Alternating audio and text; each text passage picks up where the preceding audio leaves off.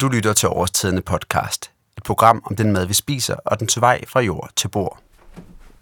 Så tror jeg, der er kommet årstiderne kasse. Ej, hvor fedt. Wow. Nej. Lad os gå og se, hvad det er. Så har vi fået pastinakker. Fedt. Og en fremtidsblomkål. Romanesco, tror jeg, måske. Ej, hvor lækkert. Mega Det lækkert. Den har vi aldrig smagt før. Ikke helt sikker. Hvad det er i kassen, der får Dorte til at gispe, i det må du vente lidt med at høre. I dagens udsendelse, der følger jeg kassens vej fra bord til jord. Vi ved alle, at mange af de råvarer, som ligger i årstidens kasser, kommer fra en avler et eller andet sted i Danmark. Vi ved også, at kassen pludselig står foran vores dør, fordi en eller anden har været forbi med den. Men hvad der sker fra, at afgrøderne bliver høstet hos avleren, til at kassen står på vores adresse, er nok ukendt for de fleste, inklusive mig selv. Derfor har jeg fulgt kassens spor fra døren hele vejen tilbage til jorden. Vi begynder der, hvor det hele starter for os alle, nemlig med kassen foran døren. Derfor skal vi nu tilbage til Mille og Dorte, der er i fuld gang med at pakke deres kasse ud. Og her vil du også finde ud af, hvilken fødevare, der kan få Dorte til at gispe efter vejret. Romanesco. Ej, hvor lækkert. Mega Det lækkert. Den har vi aldrig smagt før. Ikke helt sikker. Og den gode tofu. Ja. Nej, jeg tror, det er timian. Masser af timian. Og noget en lille krydderiblanding, der hedder Marrakesh. Så Spændende. skal vi have et eller andet eksotisk i hvert fald. Og det er så nu, mens Mille og Dorte står og pakker ud, at de kommer til at tænke over, hvor alle de ting, der er i kassen, kommer fra. Jeg ved, hvor alle de her ting de egentlig kommer fra. Ja. Ja, det kan jo faktisk være rigtig sjovt at vide. Som lovet er det det, vi nu skal undersøge. Derfor spoler vi tiden tilbage og følger kassens vej fra bord til jord. Vi begynder et sted i Ørestaden på Amager, hvor jeg i søndags mødtes med Pernille for at fordele et par kasser ud. Men hvad, Pernille, øhm, mens vi kører videre til den næste, Ja. så kan du måske fortælle mig lidt om, hvordan foregår sådan en dag som i dag, for eksempel. Sådan en dag som i dag, søndag, der øh, starter vi jo inde på lageret i Advøre, og øh, der har så nogle venlige sjæle pakket vores, det vi kalder specialvarer, og det er jo for eksempel alle poserne, og alle de specielle kasser med, med frugt og brød og små grønne tomater og små røde tomater og hvad der ellers findes. Der er jo altså et hav af specialvarer. Øh, Det er pakket, og vi, er, og vi pakker så selv alle måltidskasserne og frugtkasserne. Og når vi har gjort det, så bliver de tjekket af af nogle venlige personer inde på terminalen. Og så læser vi dem så ind i vores biler. Og vi læser dem alle sammen i kørerækkefølge, fordi så er det nemmere, når vi kommer ud til kunderne. Øhm, det er sådan set det, vi gør, og det tager mellem det tager to timer, to og en halv time eller sådan noget. Så er man klar til at køre. Og vi skal ud med en kasse mere. Er.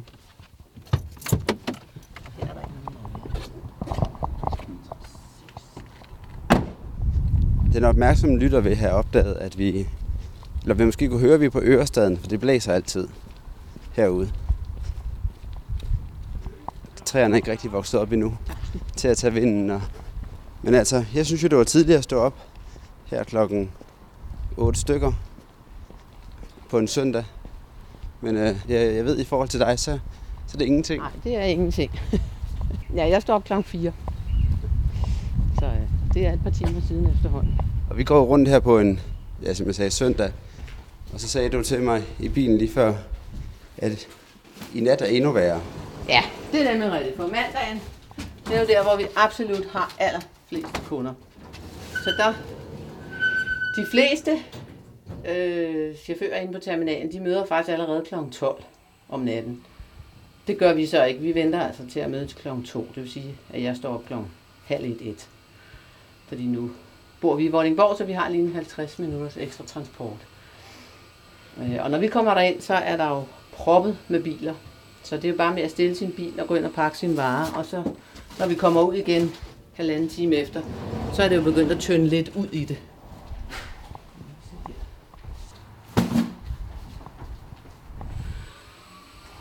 Som, som man måske vil kunne høre, så har jeg jo ikke kunne få det til at stå stille, imens vi har lavet de her optagelser. Vi farer jo op og ned af trapper og op i øh, opgange med elevator og så videre.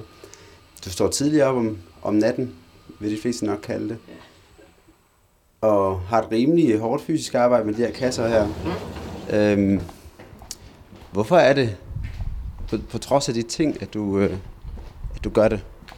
Øhm, altså for os helt personligt, så startede det sådan set med, at min mand Flemming, han startede som vognmand, og jeg var dagplejer på det tidspunkt. Øhm, og var så heldig at passe vores fjerde og sidste barn selv.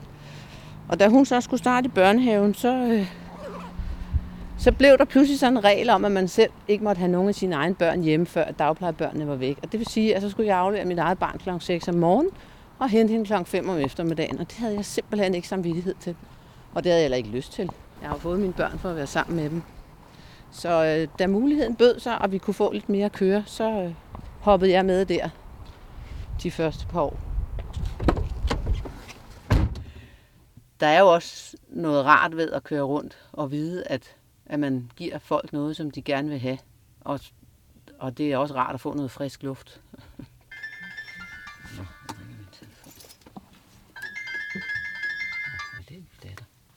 Godmorgen, Sara. Mens Pernille snakker med sin datter, kan jeg i mellemtiden fortælle lidt om, hvordan årstidernes kasser har udviklet sig gennem årene. Til at begynde med, der havde årstiderne kun kasser med grønt, hvor det var op til folk selv at finde ud af, hvordan de vil tilberede dem. I dag findes der måltidskasser, frugtkasser, kødkasser, juicekasser og mange flere. Derudover bliver der bragt ud flere dage om ugen, hvor særligt søndag og mandag er de mest populære. Skal vi ud med en, øh, en kasse mere? Ja, det skal vi nemlig. Der skal vi op på 6. sal. Og der er en elevator. De skal have et vegansk måltidskasse. Jo.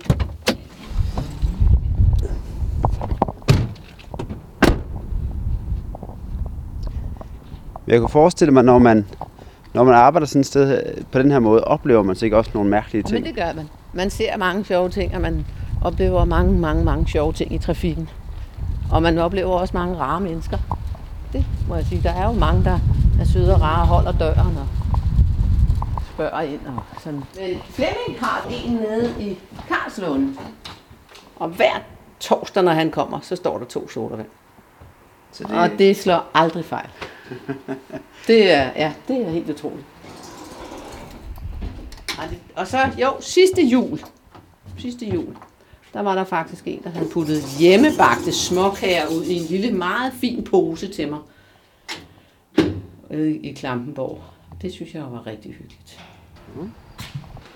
Og så fik vi afleveret en kasse mere. Denne gang en vegansk måltidskasse. Dem kan vi jo godt lide, fordi det er jo en måltidskasse, men der er kun én kasse. Så det er jo dejligt nemt at bære rundt på. Selvfølgelig. Som er simpelthen Der er, favoritkasser. ja, der er, det kan jeg love dig for, der er. Det er der. Der er.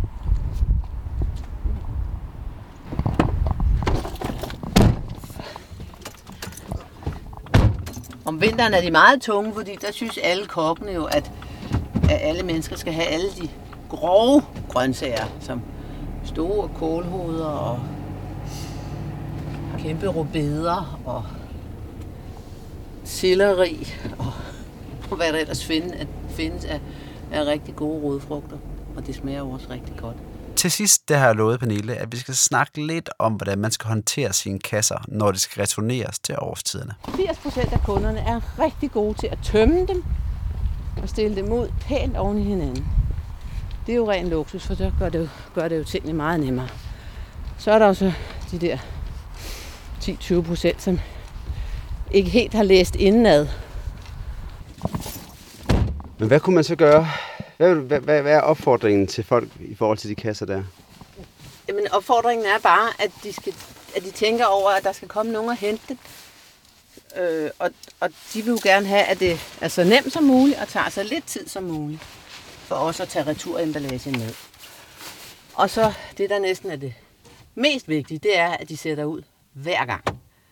Fordi hvis de bare glemmer det én gang, så får vi altså virkelig pladsproblemer i vores biler.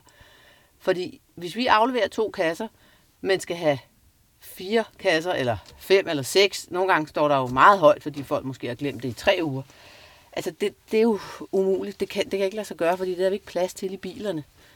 Netop fordi, heldigvis, at kunderne jo i det hele taget køber meget, og det er jo dejligt.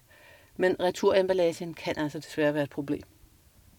Så husk at smide dem ud, eller ja. sætte dem ud oven i hinanden. Ud, pænt oven, ja, de bliver ikke pænt oven i hinanden, men, men bare de i hvert fald er tomme, og, man, og de er stillet ud hver gang. Så tror jeg, så vil samtlige chauffører juble og klappe i hænderne. Det, øh, det skal jeg nok huske at tage med i udsendelsen. Så, så den opfordring kommer videre. Ja. Og hermed er den opfordring sendt videre. Videre det skal vi også i vores rejse fra bord til jord. Før Pernille og hendes kollegaer de får kassen, der skal de nemlig først pakkes. Det sker i pakkeriet i Bejt Skov, hvor et væld af kvinder og mænd de sørger for, at kasserne bliver pakket, og ikke mindst, at kvaliteten på de fødevarer, som kommer i kasserne, er i orden. Jeg er kommet til Bejt Skov og er kommet ind i selve pakkeriet. Og her står jeg med Pia Boving. Pia, kan du egentlig ikke starte med at selv at forklare, hvad det er, du laver her? Jeg er 24 år. Øhm, Jeg arbejder hernede på årsiden. Jeg startede jo med at arbejde hver anden weekend som øh, løsarbejder, fordi jeg, skulle, jeg studerede ved siden af. Så passer det fint, at jeg kunne arbejde her i weekenderne. Øhm, og det har jeg nok gjort to år. Så efter to år, der blev jeg så, øhm, øhm, så arbejder jeg så ned på fuldtid. Og der har jeg været sådan over et års tid. Og så nu her, så øhm, er jeg så blevet en lederassistent hvor jeg så i, i dagligdagen, der pakker jeg sådan øhm, øhm, ekstra varer. For eksempel det kan være små ordre, eller for eksempel hvis der mangler noget, så går jeg rundt og pakker det. Og vi, vi står her i det, der kan forstå, der hedder varemodtagelsen. Kan du måske nærmere prøve at forklare, hvad er det egentlig, der sker her? Hvordan er jeres, hvordan ser sådan en uge ud øh, i det led, vi står i nu? Ja, vi modtager varerne her om morgenen, og så øh, tjekker vi så varerne for deres kvalitet, og, og det er de rigtige varer, vi har fået hjem. Og så når vi får, så får mærket op, så sender man så ud på lageret. Er det sådan, som jeg forestiller mig? Altså, øh, man åbner simpelthen øh, for kasserne, eller hvordan gør man helt lavpraktisk for, når man skal tjekke kvaliteten af de ting, der kommer ind, og hvad kunne komme ind her? Øh, for eksempel, det kan jo være salat, vi får ind. Øhm, så tjekker de så nogle kasser, om det er i orden. Og hvis det er det, så bruger vi det. Ellers øh, må vi jo sende tilbage, hvis kvaliteten ikke lever op til. Men for det meste, så har vi altid for eksempel en anden salat, der svarer til den, den der var kommet hjem. Så erstatter vi jo med den. Okay, så her, det er der, hvor, hvor at varerne ude fra alle producenterne kommer ind. De bliver tjekket, kontrolleret, om de er fine nok. Og så ved jeg ikke, om man kan høre, rundt om os, der farer der en masse øh, mennesker rundt på sådan nogle øh, gaffeltruk. Nej, det hedder elheste eller elhunde. En elheste eller elhunde? Ja, elheste. Okay, de øh, farer der mennesker rundt på det, der hedder en elhest. Det er som mest af alt for mig. Jeg tror, jeg vil kalde det en lille udgave af en gaffeltruk. Øh, men de kører rundt med, med, med paller, hvor varerne så bliver omfordelt hen i det her pakkeri. Pakkeriet, det er i virkeligheden en kæmpe fryser, hvor frugt, grønt og animalske produkter opbevares, inden de bliver sendt ud til kunderne. Pakkeriet det er delt op i en mange forskellige rum, hvor temperaturen spænder fra alt omkring frysepunktet helt op til 20 plus grader. Varerne de bliver fordelt alt efter, hvilken temperatur, der er mest optimal i forhold til den enkelte fødevare. Der er dog et rum i det store pakkeri, som skiller sig væsentligt ud fra resten af pakkeriet, og det rum det skal vi besøge nu. Kun adgang for kvalitet. Nu går vi ind i noget, der står ingen adgang til. Ulrik, hvor mange grader er der herinde? Ja. Øhm, herinde har vi så vores advokatorum. Det er til, når vi skal formode advokater og sådan noget. Nu får vi en til at lukke op. tak. Det er det gode rum at arbejde i, det her. meget dejligt pænt, og vi har masser af ting. Her, her er vi formodner vores advokatorer. Og så har vi øh, øh, to medarbejdere, Katteren i Tejer, som øh, så sorterer advokatorerne. Og det kan, være, jeg, det kunne være, jeg skulle spørge jer om det. Hvordan sikrer man, hvordan ved man, at, at en avocado er helt perfekt? Altså, Vi kender godt avocado, så, så vi kan godt mærke det. altså, når jeg går rundt ude i mit supermarked og prøver at finde en, øh, en god avocado, så, så har jeg jo lært det her trick med, at man skal, man skal mærke på toppen og bunden, eller sådan Nej, noget. bunden. Bunden kun? Ja. Okay. Så bunden kan man have, så er man ikke mod i. Kun top, så er der ikke der mod i hele. Vi kan have kun bunden. Så det er faktisk bunden, der er det vigtigste. Ja. Hvis, øh, hvis en kunde en dag oplever, en- at den er ens øh, avocado er hård, ja. så ved man, det er jer to, der har... Ja, ja, så tror jeg, de har... Man skal ringe siger, til. Ja, så må gerne lægge til din... Ui! Nej, det er 100 procent, vi ikke tager hår til kunder. Vi tager kun 100 procent. Ikke dårligt, ikke hår. Super godt. Lav billeder. Åh, oh, du glemte, ja. Efter at have set de forskellige opbevarings- og kølerum, er vi nu endelig nået frem til pakkeriets hjerte. Nu kommer vi jo ind, hvor det virkelig begynder at ligne noget, det her. Det er jo her, vi har, altså der, hvor vi pakker vores øh, grønne kasser. Det er her, vi har vores bånd, hvor at, øh, kasserne bliver kørt ind på, og hvor vi har øh, mennesker på hver bånd, som øh, så putter tingene i. Og det, altså, det sker så manuelt i virkeligheden. Ja, det tager jo tingene, og så tjekker vi, om kvaliteten er okay, og så propper vi det i. Hvordan fungerer det? Står man ved sin egen station med en bestemt ting, eller hvordan øh, sikrer man sig, at det kommer til at foregå rigtigt? Man står jo enten med en eller to ting, der kommer an på, hvilken kasse vi laver. Hvis det er en med mange ting, så kan man godt risikere, at man måske står med to ting. Men hvis man nu står med to ting, så kan man fx stå med, med løg eller en tørvare. Så kigger du løgn, og hvis de er fine, så putter du dem i.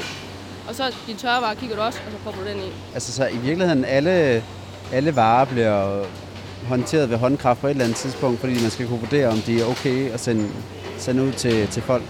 Ja, altså både så står vi på bånden og tjekker det, og så er der også øh, kvalitet, der kommer ud og tjekker en gang imellem. Og så hver gang vi starter på en ny kasse, så bliver det altid kontrolleret, at det er de rigtige ting, der bliver puttet i. Altså så her, der kan vi se, jeg kan se, der er nogle glas med tomater, der er nogle, øh, det ligner noget persillerødder, der er løg, har er forskellige øh, citrusfrugter osv. Så, videre. så det er en eller anden kasse, der er ved at blive sammensat her, som så består af en masse forskellige øh, stationer af folk i virkeligheden. Altså, når vi lægger tingene i, så er vi jo meget opmærksomme på, altså, hvor tingene skal ligge henne. For eksempel øh, de tunge ting, som øh, hvad det være, kål, eller hvis vi har vores øh, tomatglas og, og gulerødder og kartofler, dem ligger vi selvfølgelig i bunden. Og så de mere sådan øh, lette ting ligger vi i toppen, som øh, øh, rød peber og, og salat og sådan noget. Og når de kommer derud på den anden side, faktisk der, hvor vi lige kommer fra med kasserne, så er de pakket og klar til at blive sendt i en bil og blive sendt ud til folk, eller hvad? Jamen, så kommer de så ud til robotten, og øh, de deler dem så ud til de rigtige lokationer. Og så øh, bliver de så sendt ud i afgangshallen, hvor vi startede. Og så bliver de så øh, kørt ud i lastbiler, og så sendt videre. Så i virkeligheden er det, det er jo, og der er robotten. Ej. Ja, det er jo en rigtig robot. Ja, det er jo nærmest sådan en, øh, hvad kan man kalde det, en arm, der går ud og, og griber kasserne og stabler dem oven på hinanden. Den er jo vo- voldsomt flot. Ja, den er lidt voldsom. Den er også buret inde. Den tager otte kasser ad gangen. Men den tager jo sådan, at den ikke øh, presser på kasserne, men sådan lige nok til, at den kan bære dem ned. De stabler af kasser, som robotten laver, de bliver senere flyttet rundt i pakkeriet og fordelt alt efter, hvor de skal hen i landet. Men pakkeriet er naturligvis ikke den sidste destination på denne rejse. Fordi før kasserne kan pakkes, ja, så er der naturligvis nogen, der har bestemt indholdet af de enkelte kasser. En af dem, der er med til at bestemme det her, det er Thomas Hess, og derfor har jeg spurgt ham, hvordan det er, at årsiderne bestemmer sig for, hvad der skal i kasserne. Vi kører på nogle forskellige tandhjul, så man kan sige op til hver sæson, og der har vi egentlig groft sagt to sæsoner. Vi har en dansk sæson og en sydeuropæisk sæson. Så man kan sige, god tid i forvejen for hver sæson, der laver vi en række avlerprogrammer med avler. Øh, så vi laver et dansk avlerprogram og finder ud af, hvad er det cirka, de skal dyrke. Og øh, vi laver et sydeuropæisk program med de sydeuropæiske avler, med hvad er det cirka, de skal dyrke. Det langsomme tandhjul, det er der med, at vi får planlagt noget i god tid. Øh, når vi så nærmer os, og det vil være cirka to uger før, eller 11 dage før, jamen der øh, har vores øh, søde avler og leverandører øh, en, en deadline til at tilmelde, hvad er det så for nogle varer, de rent faktisk har på det tidspunkt. For selvom man har planlagt, at man måske skulle have øh, 10.000 romansalater til uge 36, jamen så kan det være, at det blev uge 37 eller 38, før de var klar. Det kunne også være, at de havde noget andet på marken i stedet for. Så man kan så sige, de tilmelder det, de har. Og det er jo sådan en meget stor forskel i forhold til en øh, detailhandelskæde eller en anden butik, som vil sende en ordre afsted, det er det, vi skal bruge, så må I levere det. Øh, der, der siger vi, hvad er det, vi har derude, og så er det det, vi har at plukke af. For vi vil rigtig gerne have, at avlerne er de gode avlere. Så skal vi nok sørge for at få brugt varen. Øh, og derfor så går der så en udvælgelse i gang, der 10-11 dage før. Fordi man kan så sige, der tager vi egentlig kategori for kategori, så det kan være øh, bladgrønt, øh, rodfrugter, frugt osv. Og så tager man i den kategori, er der nogle ting, som øh, vi ved, vi skal bruge, for dem har vi programmeret og fået bestilt. Ja, så sætter vi hak ved dem først. Hvad er der så for nogle ting, der kunne være dejlige at bruge, øh, hvis der er noget, der ellers er selvmeldt? Og der kigger vi på, hvad har de fået tidligere, eller ugen før? Øh, hvad tror vi er bedst? Øh, og hvis vi er i tvivl, så stiller vi nogle flere spørgsmål og laver nogle målinger. Det kunne være, at vi for eksempel skal sige, ved du hvad, der, der, er, der er tilmeldt utrolig mange tomater. Men hvad er så for de bedste tomater? Klar, hvis spørger avleren, så er han sikkert de bedste. Øh, men der kan det være den der kombination af, at vi er nødt til at måle på noget sukkerindhold. Hvordan, hvordan øh, smager de forskellige tomater? Hvor søde er de? Hvad kan de? Få nogle billeder osv. frem. Og så finder vi ud af, okay, det er de der fire slags tomater, vi gerne vil have i kasserne den uge. Så bliver de hakket af. Og så går vi ind i kategori, kategori efter, øh, vælger noget fra og vælger noget til. Og så er der en ramme, som kokkene kan plukke varer ud fra. De er også med i den her udvælgelsesproces. Okay, jeg opsummerer lige det hele en gang til. Indholdet af årstedernes kasser besluttes på to forskellige måder. For det første er der en masse afgrøder, som er bestilt på forhånd. Det kunne fx være gulerødder, porre, kartofler, kål eller løg, som man ved, man altid har brug for. For det andet, så er der også gjort plads til, at nye og spændende afgrøder, som ikke er planlagt på forhånd, de kan få lov til at ende i kasserne. Derfor deltager nogle af kokkene også på det ugenlige møde, hvor det besluttes, hvilke afgrøder, der skal bestilles hjem. Og at kokkene de kan have indflydelse på kassens indhold, ja, det kan man høre her, hvor Louise Laurent, som er kok på flere af årstidens kasser, hun får trumfet igennem, at der skal købes koriander. Ah, prøv jeg har ikke haft koriander nu i 6 uger. Nu er, min, nu er karantænen slut. I hvert fald 14 dage. Du får mynte? Ej, prøv at høre, det er lang tid nu. Ja. Nu er jeg helt... Øh... Jeg spørger om Italien, der er noget. Ja, tak. Jeg kan godt lide italiensk koriander. Jeg er meget glad. Så det der, det der bliver oprettet, det er rød kinakål 4-600 gram. Så er der løgmix af tre typer, 600 gram. Så er der rosé om posterløg, 400 grams net. Øh, så er der pæretomat, chili min gul, blad, blad persille 20 gram. De små bladcelleri, som bliver 200 gram plus, som kan være op til 350 gram. Så. Og så er der så røde spidsbrød DK 350 gram plus. Det bliver overrettet. Okay, så nu er råvarerne blevet bestilt, og de skal så nu hentes hjem til pakkeriet i Bejtskov. Næste opgave, det er så at bestemme sig for, hvilke retter, der er mulige at lave ud af de råvarer, der er til rådighed. Så går det der puslespil i gang med, hvad er det så for nogle retter, vi skal lave.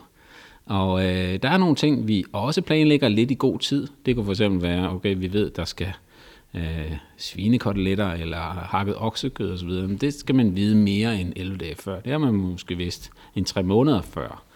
Men man ved måske bare, at man skal lave en ret med hakket oksekød, og så ved man, hvad der er af, af grøntsager og frugt øh, tilmeldt. Og så begynder det der puslespil til, hvad kunne være dejligt? når ja, øh, der er rigtig mange i en asiatisk genre i de der ting. Nå, så vil man måske gerne lave en nudelret med asiatiske urter og det der stykke kød.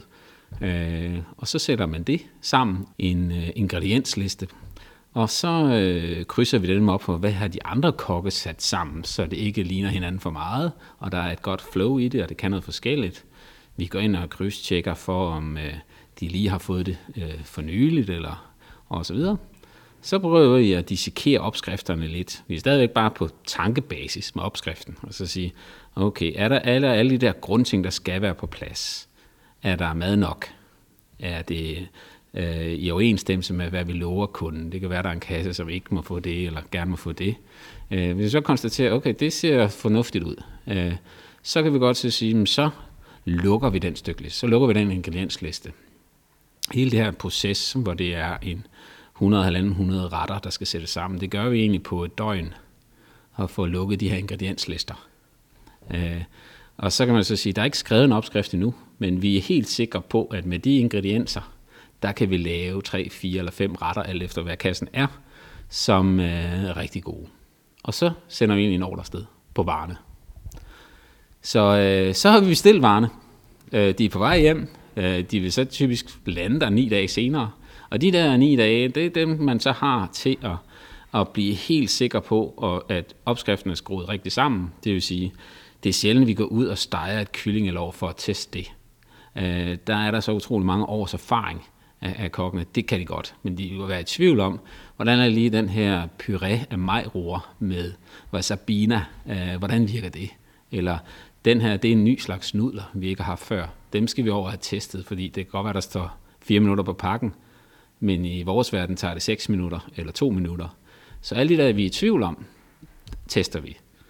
Det vi ikke er i tvivl om, der kan vi godt sætte det sammen og, og have den der dialog. Er det lækkert, eller er det lækre, eller hvor skal vi hen? Så det der med, at man har egentlig et, et stort rum med, med mange kokke, øh, det er vi i hvert fald vendt til en styrke, så man får noget øh, sparring på plads. Inden kasserne kan godkendes, skal opskrifterne på de enkelte retter igennem det sidste led, nemlig korrekturholdet.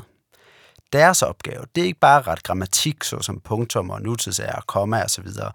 Nej, de skal nemlig også gøre opskrifterne forståelige for os amatørkokke, så vi også har en chance for at lave de her retter og få en god oplevelse i køkkenet. Så får man skrevet opskrifterne, og så, øh, så har vi et øh, super kompetent øh, korrekturhold, der så tager over og så siger, hvordan øh, øh, nu er retten øh, på plads, men hvordan skal vi lige sikre, at øh, den både er krydstjekket for, for sproglige grammatiske fejl, men også at det er, er forståeligt dansk for en, øh, en helt almindelig privatkunde.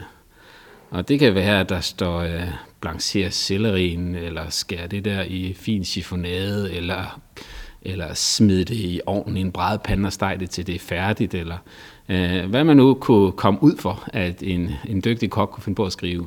Så der, der, der er de filtre, der sikrer, at okay, øh, det, det, er, det, er, øh, det er forståeligt dansk for almindelige mennesker, fordi forskellen mellem vores opskrifter og så mange opskrifter, man vil finde i blade, bøger og magasiner, det er, at de alle sammen bliver lavet.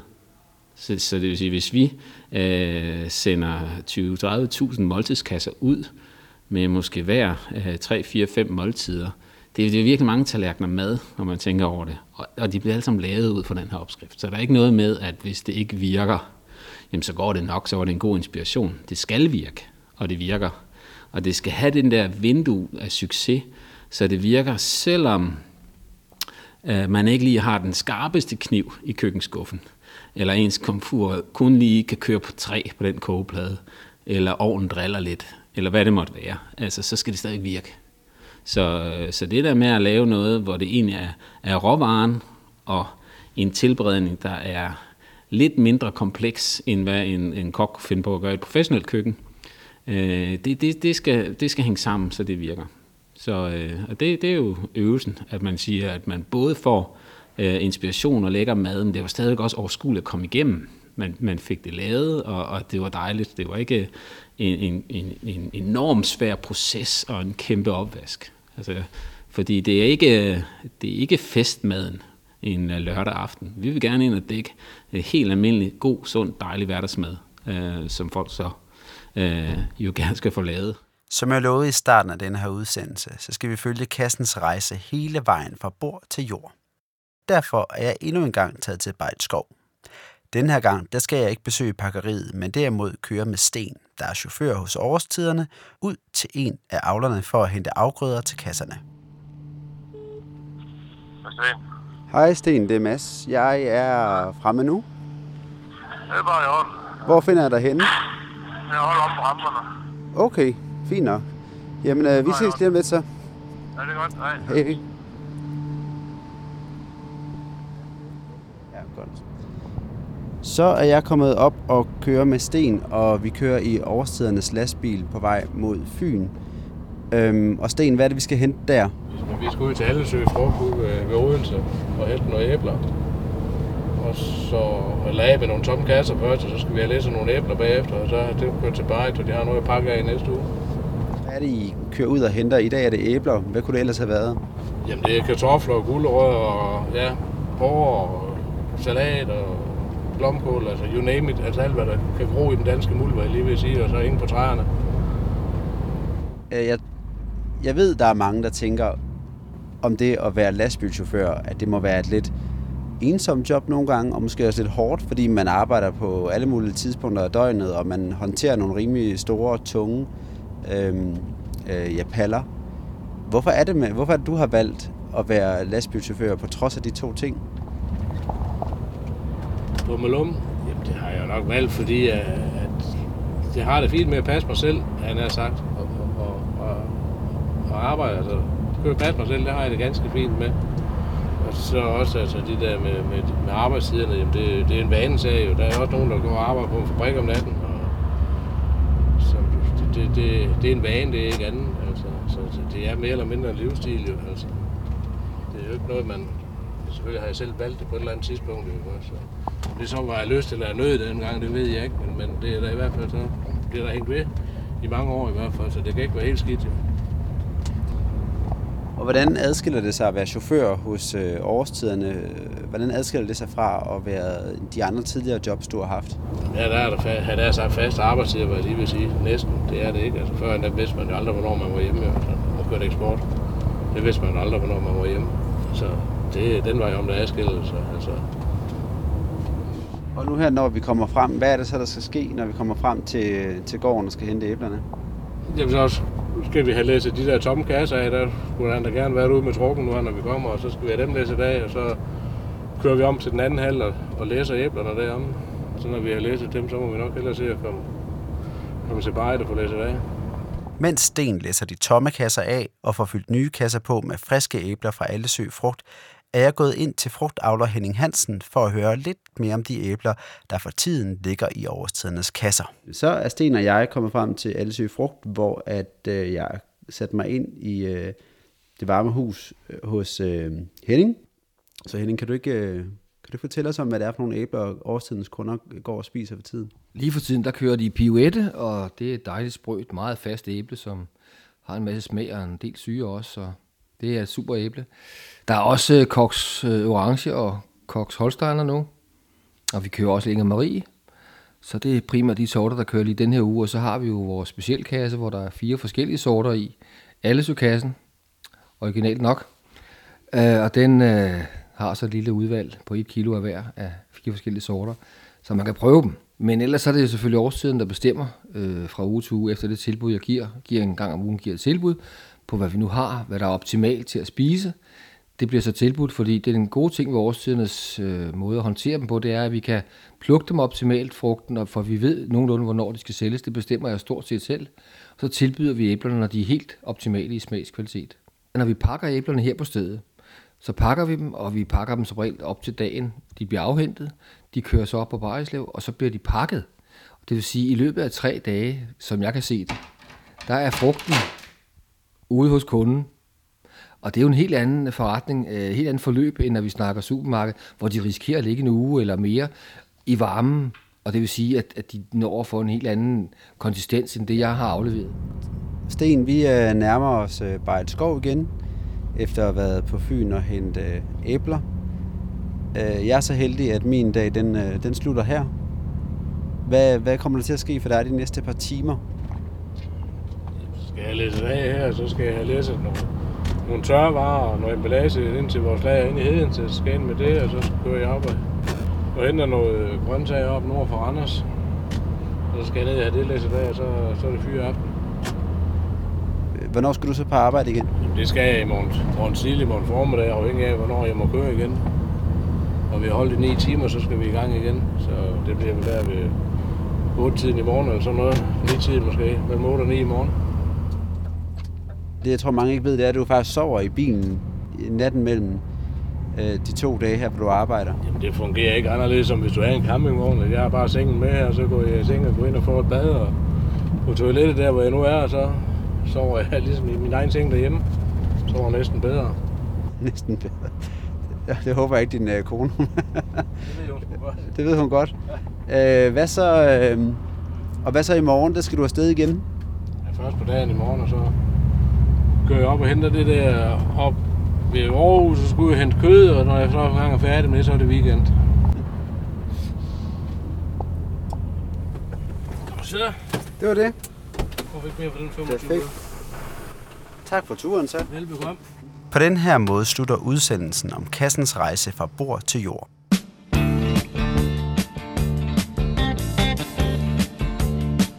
Fordi jeg ved, at vores chauffør Sten han godt kan lide Dire Straight, så slutter vi den her udsendelse af til tonerne til Sultans of Swing.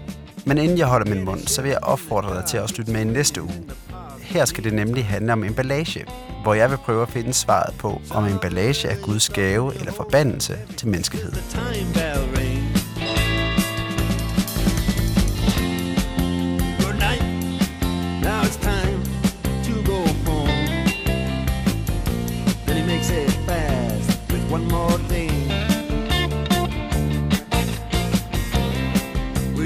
insulted.